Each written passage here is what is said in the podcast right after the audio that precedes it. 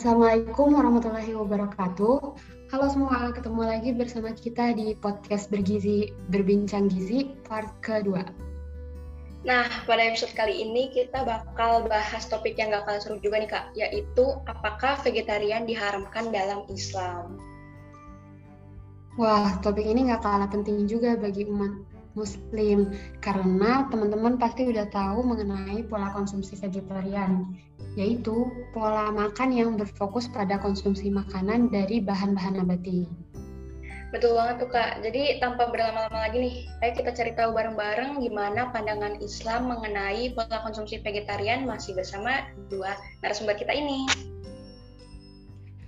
Oke, kita mulai aja nih. Kita bahas pertanyaan pertama dari question box yaitu apakah vegetarian diharamkan dalam Islam? Oke, pertanyaan yang menarik nih. Vegetarian diharamkan dalam Islam. Uh, dalam beberapa artikel dan uh, Al-Quran dan hadis yang udah pernah aku pelajarin, untuk seorang vegetarian itu tuh gak dilarang, namun juga gak dianjurkan. Seperti yang tertera dalam hadis At-Tirmidzi, Ibnu Majah, dan Al-Hakim menjelaskan bahwa apa yang dihalalkan Allah di dalam kitabnya, maka ia halal. Apa yang diharamkan Allah di dalam kitabnya, maka ia haram. Sedangkan apa yang didiamkan atau tidak dijelaskan, maka ia dimaafkan. Sehingga jika orang tersebut melakukan diet vegetarian dikarenakan suatu penyakit atau kesehatan lainnya, maka itu diperbolehkan. Namun, eh, jika dia melakukan diet eh, vegetarian karena uh, dia pecinta hewan gitu, dia kasihan sama hewan, maka itu diharamkan. Sebagaimana yang telah dijelaskan di dalam surat Al-Maidah ayat 87 yang artinya wahai orang-orang yang beriman, janganlah kamu mengharamkan yang baik-baik dari apa-apa yang dihalalkan Allah bagimu, eh, bagimu dan janganlah melampaui batas. Sesungguhnya Allah tidak menyukai orang-orang yang melampaui batas. Kalau ditanya, tapi saya nggak suka makan daging, apakah itu termasuk mengharamkan? Gitu. Jawabannya tuh enggak karena kita nggak makan daging karena kita nggak suka bukan kita nggak makan daging karena kita melarang. Beda ya nggak suka dengan yang melarang itu beda. Nah melarang di kata ini itu bisa diartikan mengharamkan sesuatu yang dihalalkan oleh Allah Subhanahu Wa Taala. Terus untuk dari pandangan gizi uh, untuk gizi kita belajar yang namanya pedoman gizi seimbang. Di dalamnya ada anjuran kalau kita harus makan dengan pangan yang bergizi dan seimbang Seimbang di sini maksudnya adalah porsi tiap sumber pangan itu pas sesuai dengan anjuran yang sudah ada seperti karbohidratnya, lemaknya, dan juga proteinnya. Alangkah baiknya kita mengkonsumsi protein dari berbagai sumber, termasuk dari hewani dan nabati. Tapi kan protein juga bisa didapat dari nabati aja, kayak tempe dan tahu.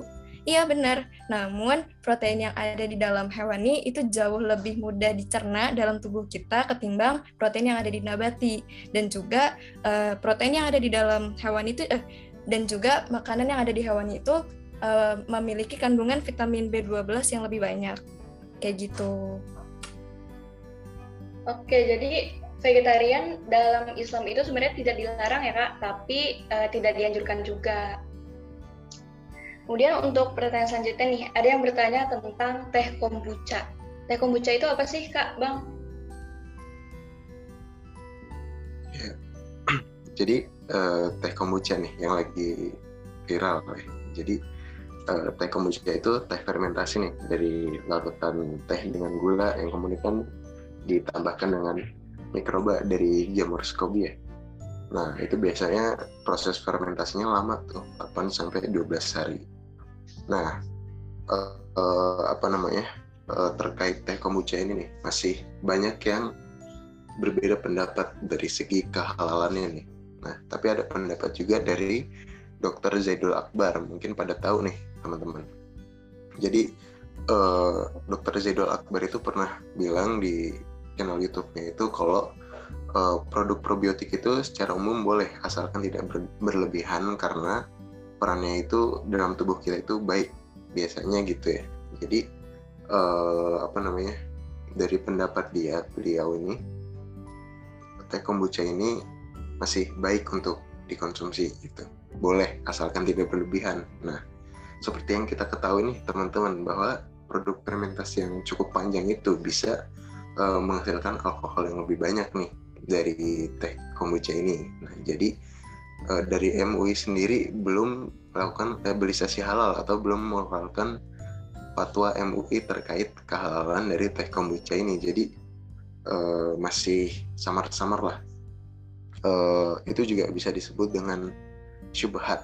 Jadi uh, apa namanya uh, produk yang masih belum jelas kehalalan atau keharamannya juga gitu. Jadi masih samar-samar Nah, gimana sih cara kita nyikapinnya? Nah, itu lebih baik kita hindarin dulu karena uh, segala sesuatu yang masih samar-samar nih, masih belum jelas hal haramnya, lebih baiknya kita hindarin dulu.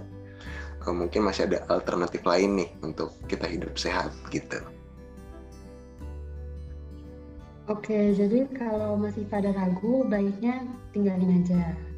Lalu kalau misalkan ke restoran nih Bang, kira-kira bagaimana cara mengetahui bahwa restoran itu sudah tersertifikasi halal? Nah, oke, okay, izin menjawab ya. Jadi uh, apa namanya untuk restoran nih yang udah tersertifikasi halal, gimana sih cara kita ngeceknya? Itu kita bisa langsung ke website Halal Mui. Jadi ada website halalmui.org. Di situ kita bisa ngecek produk halal, terus uh, produsen juga bisa kita cek, terus berdasarkan nomor sertifikat halal yang tertera itu juga bisa kita cek. Jadi uh, misalkan nih restoran yang sudah tersertifikasi halal itu biasanya mereka uh, menampilkan logo halal dan nomor sertifikatnya. Uh, kita ambil contoh aja nih di Marugame. Biasanya kita kalau baru masuk nih ada kan di uh, depannya itu dia kan open kitchen ya sistemnya dapurnya terbuka gitu. Nah terus ada kacanya tuh biasanya kalau kita baru masuk di situ ada stiker sertifikat logo sertifikat halal sama eh, logo halal sama nomor sertifikat. Nah di situ kita bisa langsung cek aja nih untuk mastiin nih kita masukin nomor sertifikat halalnya tadi di website halal mui.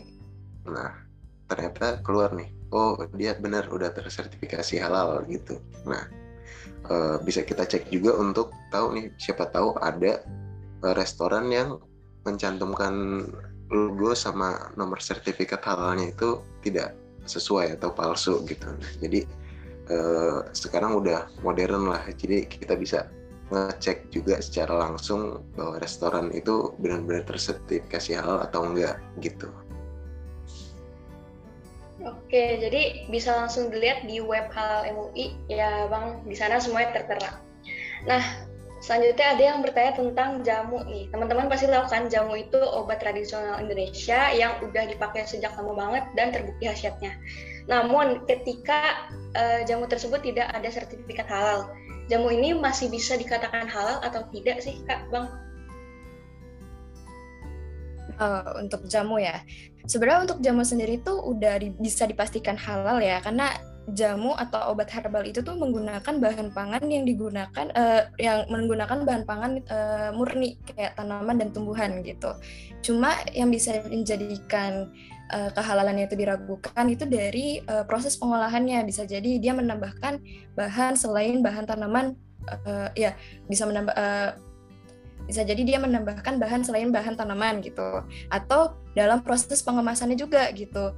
Kayak misalkan obat herbal kapsul gitu kan. Nah yang menjadi diragukannya itu dari si kapsulnya itu karena kapsul sendiri ini kan terbuat dari gelatin yang mana kita tahu nih gelatin itu tuh terbuat dari lemak hewan yang menjadikannya diragukannya adalah takutnya gelatin yang digunakan itu menggunakan lemak da eh, daging haram kayak gitu. Tetap kita harus hati-hati berarti ya.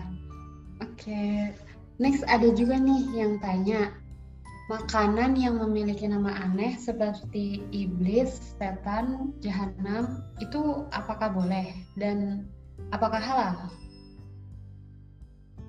Nah, eh, terkait nama-nama makanan yang seperti tadi disebutkan iblis, setan, jahanam gitu, eh, itu sebenarnya sah-sah aja.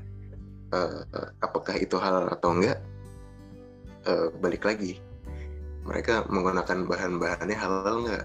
Terus uh, fasilitas produksinya tercemar nggak nih oleh bahan-bahan non halal gitu? Jadi kalau misalkan bahan-bahan yang digunakan halal terus uh, fasilitas produksinya juga tidak tercemar gitu ya tidak dicampur dengan bahan-bahan non halal itu berarti ya dia halal gitu sah-sah aja gitu untuk kita konsumsi.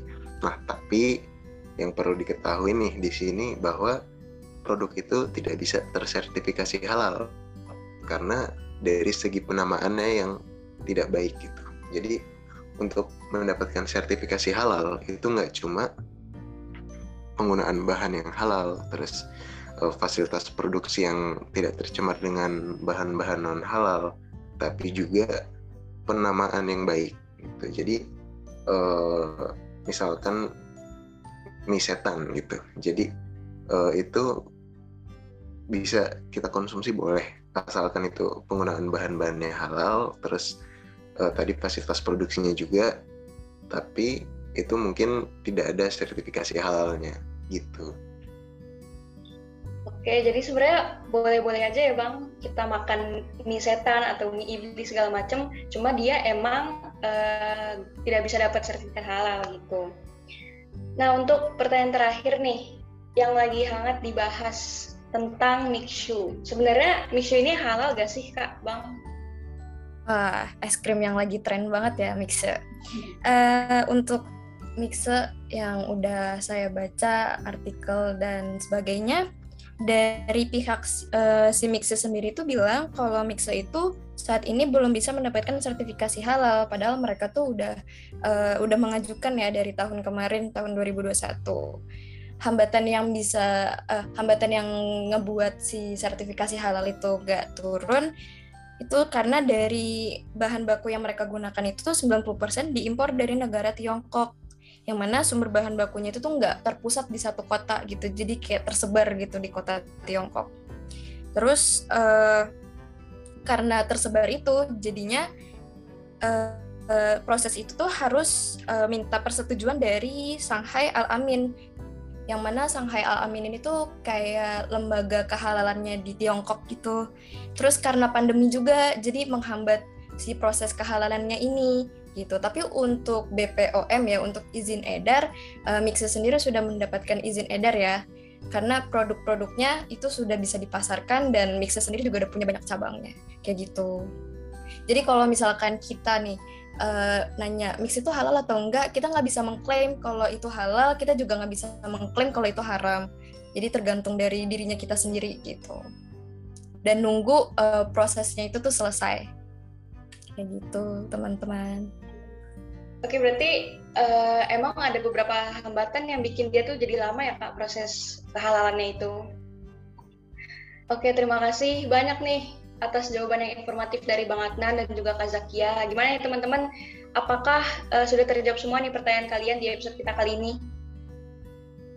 Insya Allah sudah nih Kak Zahra, karena jawaban dari para narasumber kita yang singkat, jelas, dan informatif. Alhamdulillah, insya Allah ya. Nah, buat teman-teman yang masih kepo tentang pangan halal dan juga gizi, bisa langsung kepo ini IG kita di @himazi.ui karena bakal banyak banget informasi lainnya yang kita share di sana. Betul nih Kak, tidak terasa ya kita sudah ada di penghujung acara dan harus berpisah dengan teman-teman semua. Tapi jangan sedih ya, karena kita akan kembali di episode-episode selanjutnya dengan topik-topik yang pastinya menarik. Benar karena dia. Sebelumnya terima kasih buat narasumber kita Kak Zakia dan Bang Adnan yang sudah berkenan hadir dan memberikan informasi buat kita semua nih dan juga para buat para pendengar bergizi pastinya. Kami selaku host pamit undur diri sampai bertemu di podcast selanjutnya ya. Wassalamualaikum warahmatullahi wabarakatuh. Bye, sampai jumpa kembali.